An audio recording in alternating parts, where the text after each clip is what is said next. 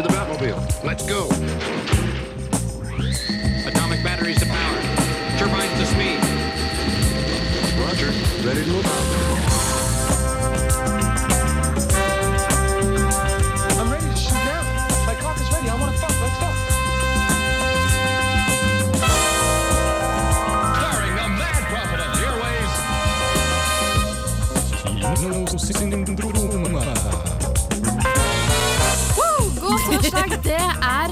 Er eh, 11, og du hører på Studentradioen i Bergen.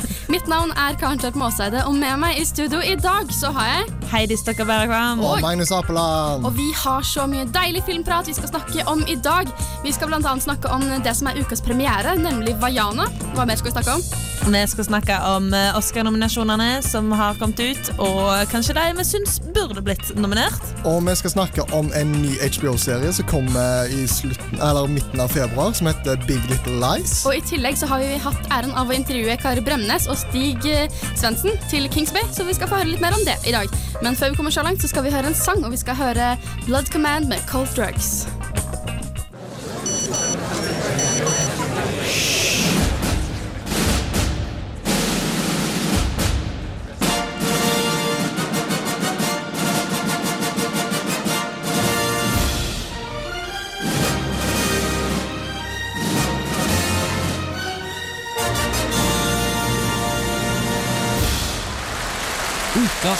Premiere. Det er på tide å snakke om det som er ukas premierefilm, nemlig Vaiana, eh, som går på kino, som kommer på kino i morgen, eh, fredag den 3. februar. Vi har vært og sett den, meg, Karen, Heidi og Magnus.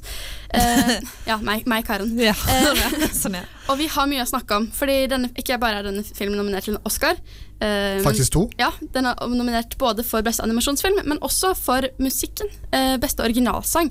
Den skal vi høre litt senere. Men før vi kommer så langt, så skal vi snakke litt om filmen. Så hva syns dere om uh, Vaiana? Heidi. Ja, er den beste filmen. Beste filmen du har sett? Nei, det er ikke den beste filmen jeg har sett, men eh, det er sånn eh, Det alle kjente på Frozen, det kjente ikke jeg helt. Dette kjenner jeg på Moana. Det, nå kjenner jeg igjen hva folk mente med Frozen. Du liksom. kjenner den Jeg magien? er, en, jeg er enig. Ja, Jeg, jeg, alle jeg, klikka liksom over jeg kjente det på Frozen, men det har litt dabba av, så nå har jeg liksom fått tilbake den samme magien i Moana. Så at jeg føler at eh, hypen for Moana òg bør bli like stor Ja. som Frost. Så det er en av de beste Disney-filmene jeg har sett i nyere tid. Det er liksom den deilige barn, barnlige følelsen, liksom. Mm, jeg er helt enig. Den magien den eh, kom på, til syne på lerretet for meg også. Jeg må bare snakke om Noe av det jeg syns var fantastisk med Vaiana, var selve animasjonen. For Disney har jo i lang tid brukt bare 2D-animasjon, mens nå har de gått over De har gått litt vekk fra det. De har gått over på 3D-animasjon. Mm. Jeg må bare si at Vaiana er noe av det vakreste jeg har sett. I hvert fall i år. altså nå har det ikke, Vi er i februar, så det, det sier ikke så mye. Men den filmen var rett og slett helt magisk. Det var Enkelte scener så var det som å sitte og se på et, levende maleri. Jeg satt der og hadde bakoversveis. Jeg var liksom helt blåst av banen. Så hvis du der hjemme som hører på oss nå, elsker eller virkelig setter pris på animasjon, godt gjennomført animasjon, så er det nesten grunn til å se filmen alene, syns jeg. Et eller annet med det glitrende havet og alt det der. Ja, altså Alt bare passer sånn Men hva var det du likte, Magnus? Ja, men det som er også, altså, Jeg føler at eh, bildene i seg sjøl kanskje ikke solgte det helt. Altså, Jeg er helt enig, de var helt fantastiske, noe av det beste animasjonen. Men i tillegg til bildene så er det jo òg musikk der. Så når du hører musikken som kommer der fra soundtracket i bakgrunnen Vi har jo sagt at eh, det er en sang som er nominert. Alt, altså Bare samkjøringen der, det bare Du får gåsehud av å høre på det. Altså eh, Vi så den på norsk, men oversettingen av sangene var ganske bra òg. Mm. Så jeg kan jo anbefale han å se, se den på norsk. Pluss Bjørn Eidsvåg eh, synger en krabbe. krabbe, som synger, og det er fantastisk. Ja. Det er faktisk slett ikke Ja, dårlig. men på engelsk er det jo Lin Manuel Miranda, som er av Hamilton Fame, som har skrevet de fleste sangene og musikken til det. Mm. Så det, altså, det er jo et kvalitetsstempel i seg sjøl. Ja, det er det faktisk. Jeg satt og begynte nesten å grine av Ja, musikken. jeg får gåsehud bare av å tenke på det Ja, her. Ja, det var faktisk noe av det beste jeg har hørt. Men du vet at Når en sang er skikkelig god, så skal den få deg til å føle noe ekstra. Mm. Men la oss snakke litt mer om uh, hovedkarakteren i filmen, yeah. Vaiana. Vaiana, ja, eller Mona. Det er litt us jeg er fremdeles litt usikker på det. Det er Vaiana hun heter. Ja, men i Europa. Hun, ja, I Europa så heter hun Vaiana. Mm. Eh, men hun er, hun er på en måte Det er litt deilig å se en karakter, eller ei prinsesse. Hun kaller seg selv for Høvding. høvdingdatter, Ja, liksom. ja. Eh, så hun er litt fast på det, men òg at hun ikke har en romanse. Det syns jeg er skikkelig bra, fordi at hun ikke blir definert av å ha en kjæreste. Nei, hun er liksom kun dreven av motivasjonen for å redde folket sitt. Altså, Ja, hun, ikke er, sant? hun er liksom på en måte en ekte leder. Altså Ikke sånn i form av at prinsessa òg er jo en leder, Ja. men Det er ikke den hun der vil- ja. Å, jeg har ikke en kjole til ballet. Fader, jeg kan ikke lede en nasjon som sett. Liksom. Jeg har ikke en bra nok kjole. Nei, hun røffer seg litt opp. Bare sånn, knyt, bare sånn når man knytter håret i en sånn dult og bare 'nå skal jeg bare kicke litt ass'. Ja, Ja. hun er faktisk Ja. utrolig badass. Hun, hun viser jo også den andre karakteren, Maui, eh, hvordan ting skal gjøres mer enn én gang i Mm. filmen. Og det at hun, på en måte, Filmen handler om hennes reise da, til å finne seg selv og finne motet til å Ja, tørre å gjøre det hun faktisk vil. Karakterutvikling. Absolutt. Så det føler jeg at Hun blir liksom ikke definert av venner av noen andre enn de dyra hun har, og hun aksepterer på en måte ting som er feil. For eksempel, det ene dyret hun har med seg, er en handikappa hane. Eh, og det sant, hun aksepterer liksom Nei, den er bra nok. Og, eh, og hun har ikke noen romanse, hun blir ikke definert av en annen person at en annen person skal like henne. da Eh, I motsetning når, til Frost, hvor uh, i hvert fall Anna bare faller for gutt etter gutt. Men Moana eh, fokuserer jo på denne rollen med at hun skal ta over som høvding for familien sin og for eh, klanen sin. Da. Mm. Så hun eh, sliter litt med dette ansvaret, og så finner hun seg selv måte- og til slutt finner motet til å stå fram som denne lederen. Og hennes vei til å liksom lede folket, og ikke følge den tradisjonelle veien. det er litt mer reell, reell problemstilling i denne filmen. Ja, og det Det er er det. forfriskende å se. Så hvis du har lyst til å sjekke ut uh, Vaiana, og vi anbefaler at Ja. du går og gjør det, så Det havner du i et på sånn der, ja. så Det er har den som sagt premiere i morgen på fredag, så gå og sjekk den Ja. ut. Uh, nå skal vi høre en av sangene fra filmen. Den heter Jeg skal ikke prøve å si navnet hennes. Det er Auli Cravalo med How Far I'll Go.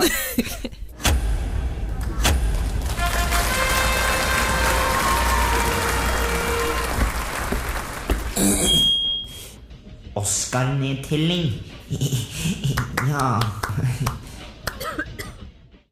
Det er kommet til den tiden av året når eh, Oscarsendingen, eller Oscar-utdelingen, tar sin plass. Og vi har nemlig tatt for oss eh, de ulike nominasjonene som ble publisert forrige uke. eh, Hvilke filmer som ble nominert, og vi skal snakke litt om de tre hovedkategoriene. Vi skal snakke om de filmene som ble nominert til beste film, de, film, eller de som ble nominert til beste skuespiller, og de som ble nominert til beste skuespillerinne. Så først og fremst må vi jo kanskje snakke litt om, om La La Land. Jeg føler at det er noe vi må snakke om. For vi må faktisk det. den har fått hele latterlige 14 nominasjoner. Som er det som er rekorden. Altså Han slo ikke rekorden, men det er det som er blitt av filmer som All About Eve og Titanic tidligere. Ja, Kun det- to filmer i Oscar-historie. Det er helt sykt. Eh, og det får meg til å bli litt skeptisk. Jeg blir alltid litt skeptisk hver gang jeg hører at en film får helt latterlig mye nominasjoner og priser før jeg har sett den. For jeg tenker sånn Er den egentlig så god? Men det Vet ikke hva de snakker om? Det der? det viser seg jo ofte at den er den, da. Så eh, den er, ja, La La Land er jo blant annet nominert til beste film. Og for beste kvinnelige skuespiller, og for beste mannlige skuespiller. Yes. Så den dekker alle de tre kategoriene vi har tenkt å ta for oss eh, nå. Men folkens, hvilke andre filmer er det vi kan finne på beste film-kategorien? Eh, på beste film så har vi jo Arrival, som ikke er en typisk Oscar-film, som har ehm, åtte nominasjoner eller noe sånt. Som, det er jo ganske sykt, for det er jo, som jeg sa, det, det er ikke en typisk Oscar-film. Det er en sånn film som de som ikke er filmbuffer, har sitt. Mm. Og det er litt sånn forfriskende å se i Oscar-sammenheng at det, det er faktisk andre som kan få en nominasjon. Mm, en film som kanskje ikke du trenger være en filmsnobb for å se. Da. Den er mer Ja. publikumvennlig. Veldig. Ja, den gjorde det jo veldig bra på kino også. Mhm. Eh, i- men eh, nå har ikke La La Land kommet ut. Men Ja, det men tror han har førpremiere på fredag og Ja, i helga. i morgen. Ja. Eh, det tror jeg kan være en film som folk ville sett også til tross for om den hadde vunnet eller hadde Absolutt. fått eh, nominasjoner i Oscar. Hva tror du, Heidi? Mm. Jeg ikke hva spørsmålet Nei, om du trodde at uh, La La Land kunne blitt sett selv om den ikke var nominert? Ja, jeg føler det er en litt sånn Eller jeg har egentlig ikke lest meg så veldig masse opp på selve La La Land, for jeg òg blir litt sånn der eh, altfor mange nominasjoner, så blir det sånn Ja, er han faktisk så bra? Mm, Fortjener han litt virkelig? skeptisk. Men jeg tror uh, jeg tror det er en film de fleste kan se, ja. Altså, med tanke på at det både Ryan Gosling og Emma Stone. Det er jo veldig mange som er fan av dem, Mm. skuespillerne og har sett det de har vært med tidligere. Så da Ja. tror jeg det. Ja, men En annen film også, som er nominert, er jo Manchester by the Sea. Som også er in, han er ikke innom alle tre, men han er innom to kategorier. Beste film og beste mann mannlige Casey Affleck. Ja, Casey Affleck er jo nominert, og han er jo en av favorittene til å vinne òg. Hmm. Og det er òg, altså det som vi har sagt, en film som folk kanskje ser uten at de vet kanskje at han er nominert. Han går jo på kino nå, den. Mm. Og jeg bare hører at flere og flere ser han og blir liksom De blir de kommer, Ja, de fleste ja, de som blir har sett de blir ikke frelst, de kommer ut med tårer fordi at det er en så rørende film Mm. og full i følelser. Og det er ganske mange gode filmer som er nominert, Mm, blant annet uh, Hacksaw Ridge er jo også nominert. som og er Mel Gibson sitt comeback. Ja, Uh, har jo vært litt uh, grann diskurs om uh, Mel Gibson, men nå er han tilbake, og filmen gjør det veldig bra. Eh, vi har Andrew Garfield i hovedrollen, og hvis jeg ikke husker feil, så har kanskje han nominert også. Han er nominert til beste, best mannlige. skuespiller. Mm. Så den filmen har også gjort det veldig bra. Eh, og det er også en film som har fått veldig mye publikum praise, da, eh, for å si et godt eh, engelsk uttrykk der. Men eh, ja. Ja, Jeg noen har filmer som den kanskje ikke har fått så masse praise, er jo sånn som Moonlight og Lion, iallfall. Mm. Det har jeg hørt folk som har sett den, har vært skikkelig sånn Romkameraten min så den i går, eller noe sånt. Hun var skikkelig sånn 'Å, den er dritbra, Heidi!' Mm. Men jeg føler ikke jeg har hørt så veldig mange andre som har sett den. Eller De ikke har- så mange Ja, det, som det, har det, kommentert og ja. Lion snakker nå? Ja. Ja. Moonlight har vel ikke kommet ut. De filmene har fått veldig lite PR eh, og blitt snakket veldig lite om, som er ganske typisk for de fleste litt dypere eh, Oscar-nominerte filmene. De er ikke så kon kon kommersielle, eh, så det er ikke, de tjener ikke så mye, kanskje. Det er absolutt veldig god kvalitet på dem. Det er jo litt det som er greien med Oscar-filmer. Eh, Men en film som ikke har blitt nominert til beste film, men fått eh, mannlige, er jo Captain Fantastic, hvor Viggo Mortensen har blitt nominert. Mm. Som òg er en sånn typisk film som folk har sett som var sånn Kom litt ut av det blå, egentlig, men Ja. eh, vel fortjent. den har bare fått én nominasjon på det. Kun én nominasjon, Ja. og det er for beste mannlige. Men de beste kvinnelige eh, skuespillerne, der har vi jo blant annet Emma Stone, som nevnt. Og så har vi også nok en gang Meryl Streep, som Alltid. eh, ja, det, det er ikke faktisk Hun har slått rekord! ja, det er hennes 20. nominasjon i år. Oi. Eneste det er- skuespiller, enten mann eller kvinne, som har fått så mange. Mm, hvem er flere er det vi har på lista? På kvinnelige så har vi jo Natalie Portman i Jackie, som jeg tror heller ikke har kommet ut.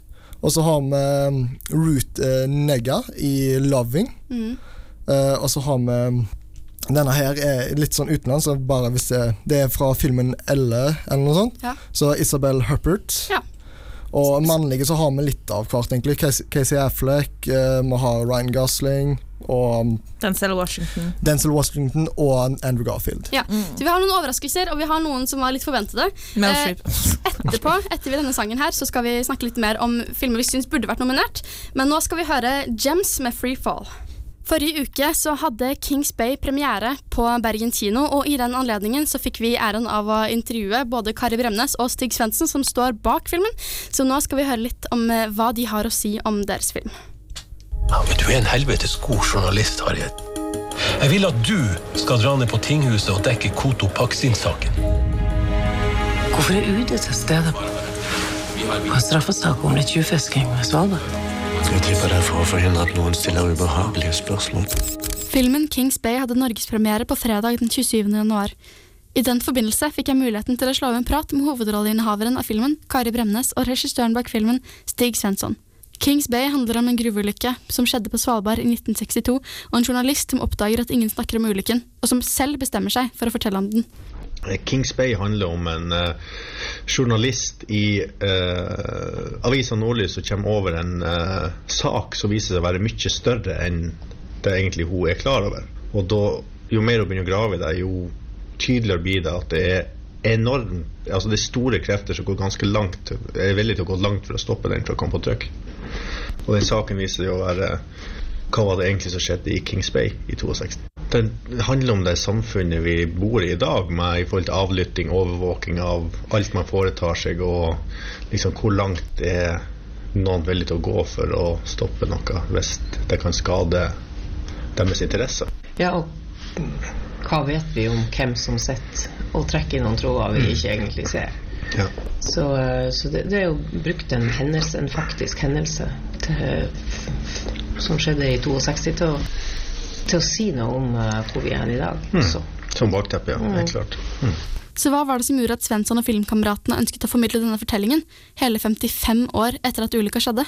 Altså For min del som manusforfatter og regissør, så var det jo det at uh, King Space-saken er jo eh, den største politiske skandalen i etterkrigstida. Da. Og det som er så ufattelig interessant, er jo at det er jo, det er jo ingen som vet hva som egentlig utløste den eksplosjonen i gruva. Altså hva var det som faktisk sto bak? Og når man begynner å grave og se i det som skjedde i den tida der, så tenker jeg at man lanserer en, eh, ei sannhet som jeg tror er veldig plausibel. Da. Det, var liksom, det var jo ei uke etter Cuba-krisen, og det var ikke sant, verden sto på randen av dommedag, og det som skjedde i verden var jo ekstremt anspent. Og da sette det til nåtid og i forhold til det samfunnet vi lever i i dag, det syns jeg er jævlig spennende. Ja, det er på en måte en slags sånn eh, ga gavepakke når du først har funnet den. Mm. At, eh, at det, er noe, det er noe som skjedde, og som du kan bruke til å si noe om, om hvor vi står i dag også, eller i hvert fall stille noen spørsmål. Da. Ja, og det er jo på en måte òg sånn så Jeg tenker at den filmen her eh, kunne man kanskje ikke ha lagd for 10-15 år siden, av at det vi vet i dag om hvordan avlytting og overvåkning foregår med f.eks. Snowden-avsløringen og alt det her, så ser man liksom at eh, det er ganske ekstremt det som foregår akkurat den punkten i samfunnet generelt. Og man, jeg syns det er viktig at man skal være, man være klar over det. Det å lage film som baserer seg på ekte hendelser, kan være vanskelig. Spesielt når det involverer en ulykke, eller en historisk hendelse. Det er annet viktig å skjerme eventuelle pårørende eller overlevende.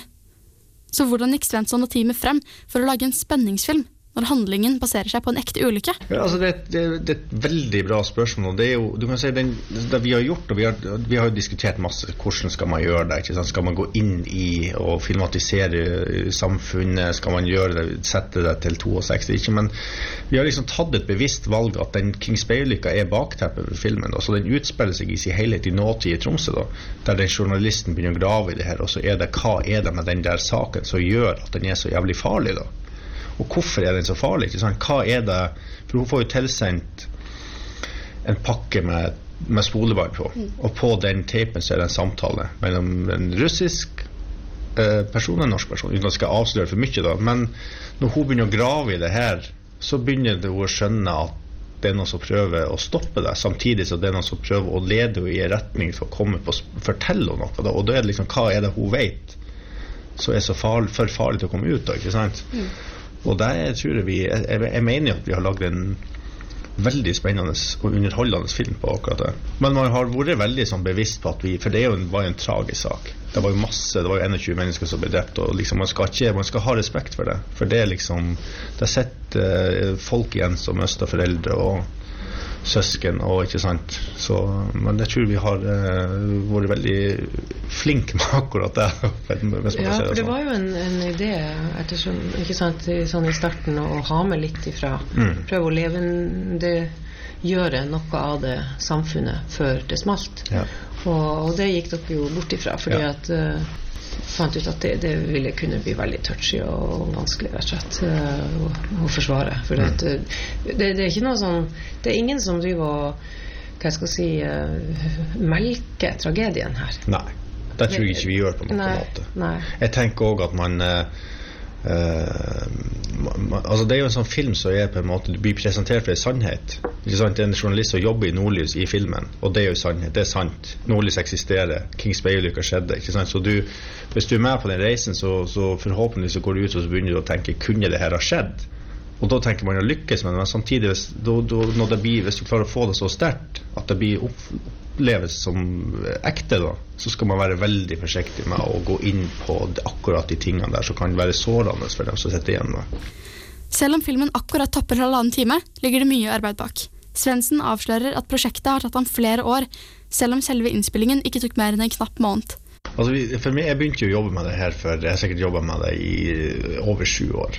Og det så, det er ikke sånn, altså, Jeg har ikke sittet og jobba kontinuerlig med det i sju år, og jobba med andre prosjekter imellom òg, men eh, det var en sånn type prosjekt som jeg aldri klarte å legge fra meg, så jeg kom tilbake til hele tida. Grunnen til at det tok så lang tid, det var jo den, sånn som det er med film. Film er veldig dyrt, og det, det er den finansieringsdelen som tok tid. da. Men eh, når vi da hadde den på plass, så har det egentlig gått slag i slag. Altså, det var, opptaket var jo for et år siden. Og da filma vi vel i 5-26 dager i Tromsø og, eh, og i studio der oppe. da. Og så var det bare å sitte og klippe og gjort ferdig filmen, og det har gått i ett. Så filmen var egentlig ferdig for eh, 14 dager siden. Kings Bay er Kari Brennes første debut som skuespiller i film. Til vanlig er Bremnes en sanger, og det er slik de fleste kjenner henne. Så hva var det som gjorde at hun ønsket å ta del i dette prosjektet? Hvordan havnet hun oppi det hele? Og hvilke utfordringer møtte hun på? Det var egentlig hele pakken med at eh, det, det virka så fundamentert og så, så, så ordentlig. Uh, altså fra den telefonen fra Jon M. Jacobsen, ikke sant, som filmkameratene, som er veldig solide og har stått Ja, veldig erfaring. Eh, og tyngde i miljøet. Og, eh, og til jeg leste manus og ser hva det handler om, og treffer han Stig. Eh, også, det er også fint, syns jeg, når du treffer en, en som har regi som Han har veldig lyst til å lage film, men, men det er ikke den der 'Å, jeg har bare så lyst til å lage film'. Han har lyst til å lage film om noen ting som er viktig for han å få sagt. Og det, det, det er jeg egentlig ganske svak for. Altså når folk har, har, har lyst til å si noe, da. Det er noe de vil. Det, det, eh, og jeg hadde ikke noe problemer i det hele tatt med å liksom bli trigga av historien og av bakteppet og av eh, også det å filme i Nord-Norge på vinteren og eh, altså liksom ja, jeg syns jeg synes det var en sånn ganske uimotståelig miks av eh, faktorer som spilte sammen.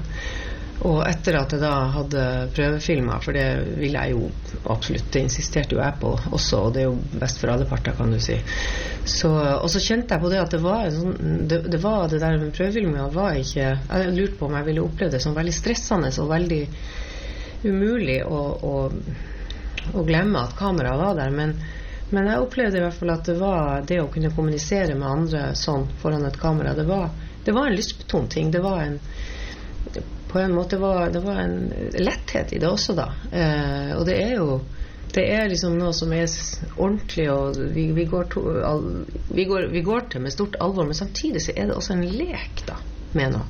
Det er jo Vi lager oss jo en uh, verden. Eh, og lager oss et univers. Og jeg, jeg har sansen for det. Jeg syns at fader ulland hvor mye sånne muligheter har du egentlig til å leke på en sånn måte. Samtidig kanskje få sagt noe. Kings Bay tar opp temaer som er aktuelle selv i dagens samfunn. Den handler om fløyteblåsere og folk som gjør samfunnet oppmerksomme på ting de har rett til å få vite om.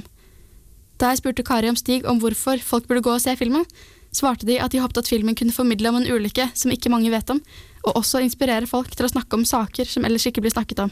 Jeg syns vi skal gå og se den, fordi at eh, for det første så er det alltid Du, du, du, må, du må danne deg opp en mening sjøl. Og så handler den om noe som, som, er, som ikke er tull. Den handler om noe ordentlig. Den handler om noe som angår oss. Jeg syns det det det er, det er liksom veldig mye å snakke om etter å, etter å ha sett den filmen.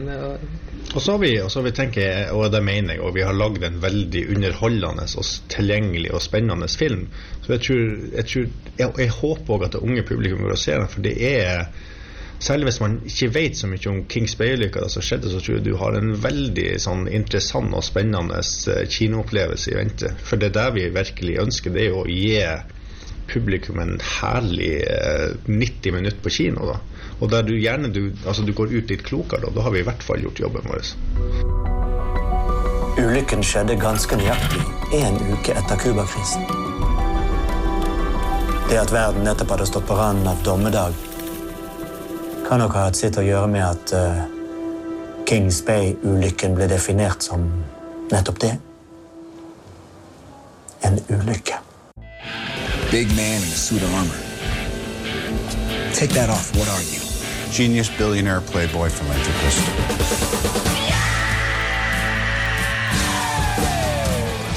Du hører på Kinosyndromet på Studentradioen i Bergen.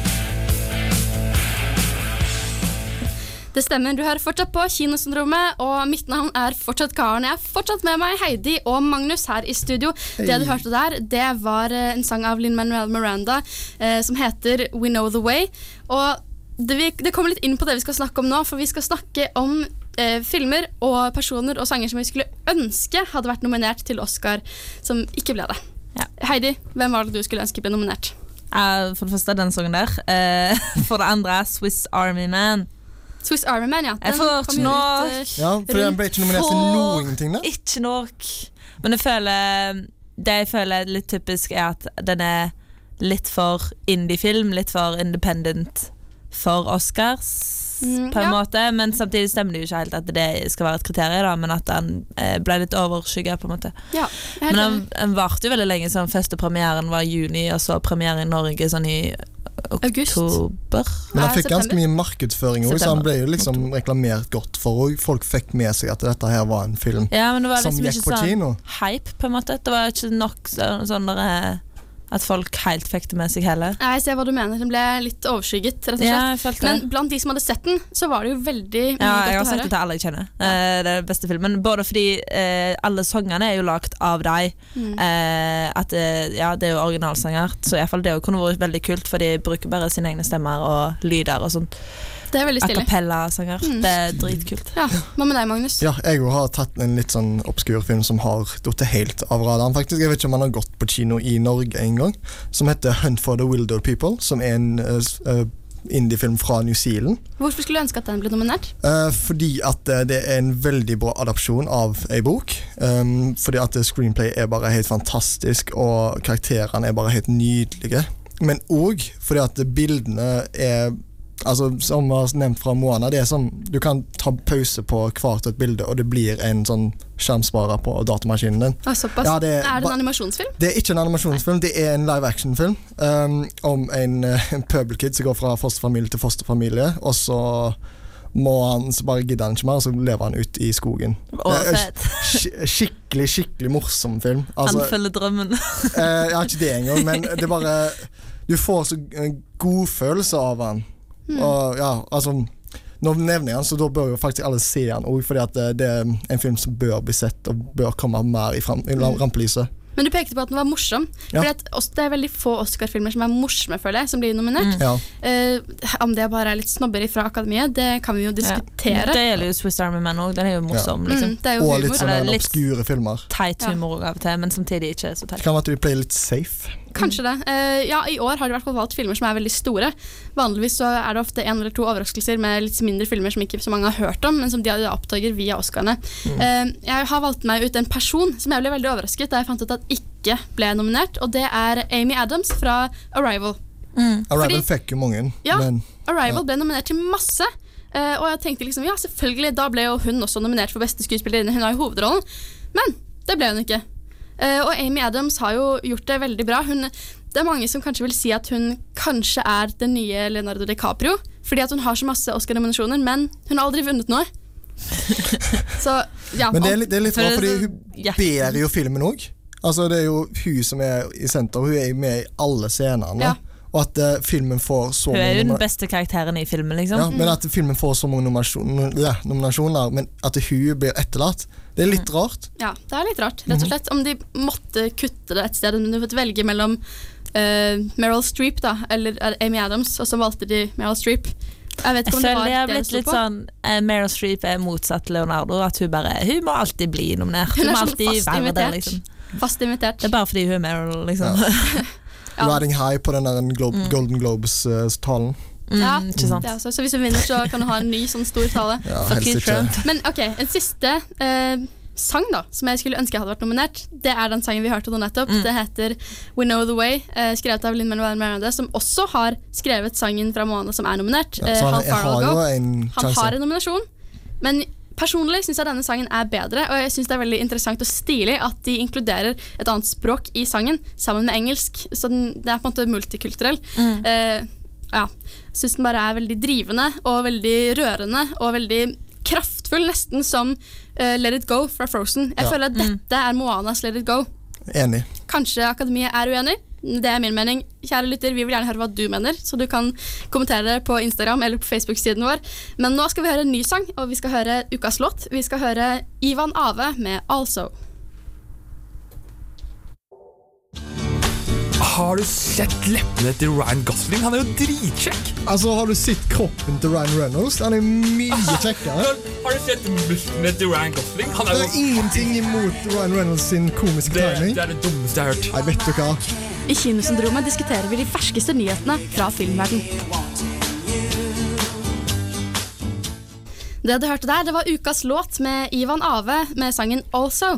Og nå dere, skal vi snakke om en ny serie som kommer på HBO i løpet av eh, våren, i løpet av februar. Den heter Big Little Lies, og vi har fått uh, muligheten til å se de to første episodene av denne serien. Kort, uh, først og fremst, hva syns dere om serien, Magnus Heider? Jeg syns den var bra. Jeg, Eh, jeg syns den var vellagd og velspilt, som de fleste HBO-seriene er. Og da ble jeg litt grepen med, liksom. Mm. Så ja. Heidi, hva syns du?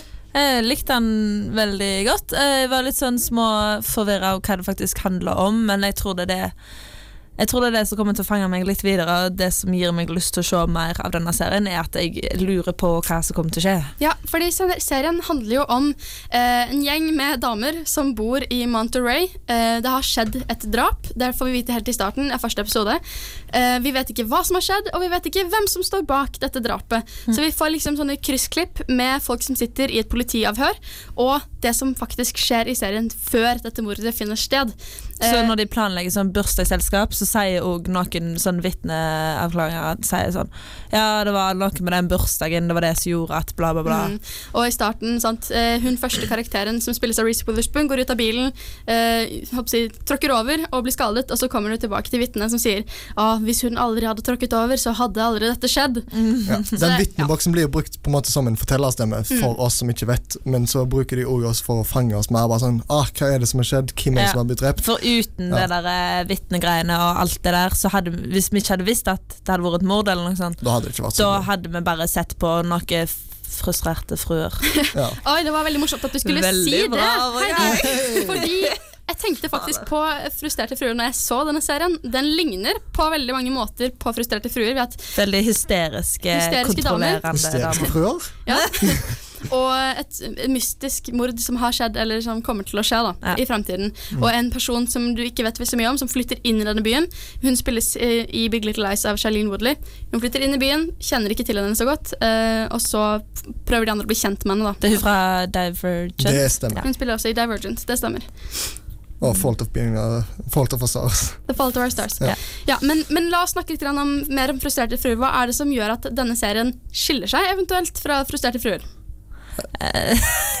Det er ikke så mye, kanskje. Um, litt mer um, kos, ja, som at uh, det er sånn Han får HBO-treatmenten. Ja, At, det er litt høyere produksjonsverdi. Du merker at det er en HBO-serie, og det er et bedre selgepunkt enn det. Det er det. Du merker òg at episodene varer en time, og at de liksom eh, Det er ikke så masse damene som sitter og spiller poker, og damene som sitter og chatter sammen. Mm. At det er ikke så masse Vi trekker inn andre ting fra. som skjer. Ja. Eh, og vi får fokus på hver av damene individuelt om deres hjemmeliv, og når de ikke er sammen. Mm. Eh, så det er litt Jeg vet ikke om det også skjer i Frustrerte fruer så Jo, mye. litt, men, ikke så masse. Jeg klarer ikke helt å skille denne serien fra Frustrerte fruer. Jeg må si at jeg syns den er litt for lik, men hvis du liker den serien, så kan dette være et fint alternativ da, til å, når, når som Frustrerte fruer er ferdig. Ja, Magnus. Han er jo basert på ei bok, så det kan jo være at uh, dette, den boka òg var uh, kildemateriale til Frustrerte fruer. Maybe. Men én ting som jeg merker når jeg så det, er at uh, jeg håper ikke HBO kommer til å trekke denne serien ut for langt. Ja.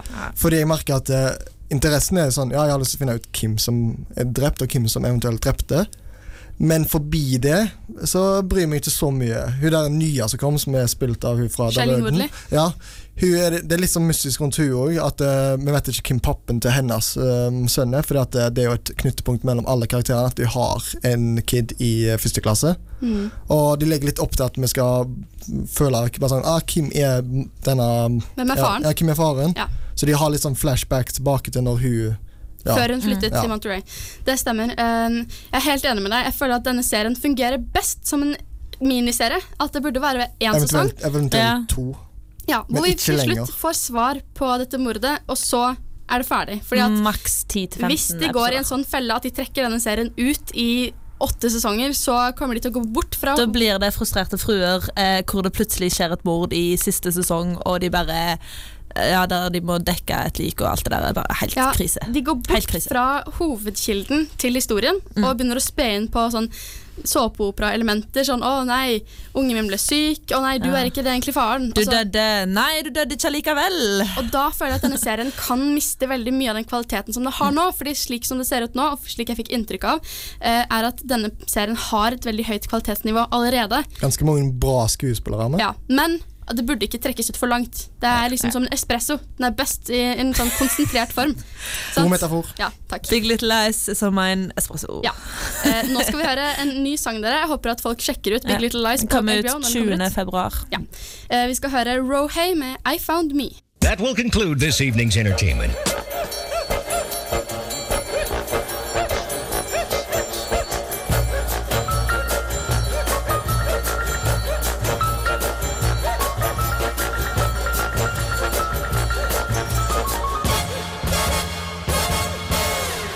Det var alt vi hadde for i dag her på Kinosyndromet på Studentradioen i Bergen. Vi har hatt en heidundrende sending, hvis jeg får si det selv. Vi har hatt så mye å snakke om. Vi har annet snakket om det som er ukas premierefilm, nemlig. Gå se Ja, bare, bare gjør deg selv en tjeneste. Bestill billett helgen.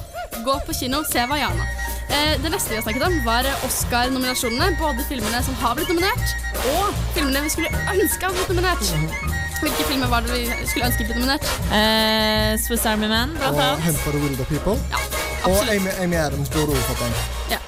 Og jeg mener også at uh, Og jeg mener også at uh, Linn Manuel Miranda burde fått en nominasjon til for sang. Eh, vi snakket også om den nye HBO-serien som kommer ut 20. februar. Big Little Lies. Sjekk den ut. Hvis du, liker, HBO hvis du liker Frustrerte fruer, kan dette være midt i blinken for deg. Ja, litt sånn eh, krimgreier. Krimaktig. Ikke glem å sjekke oss ut på Facebook, Fordi senere i dag så kommer det nemlig en ny konkurranse. Du kan vinne kinobilletter. Du kan, som student er det perfekt. Du slipper å betale penger for å gå på kino. Ja, det er nydelig. Ja, Og så har vi også en podkast som kommer ut hver uke. Uh, kommer ut på iTunes og på nettsiden vår sribo.no. Eh, og fram til det så er det jo egentlig bare for oss å si takk for i dag, og ses neste torsdag. Det gjør vi. Ha det bra. Ha det.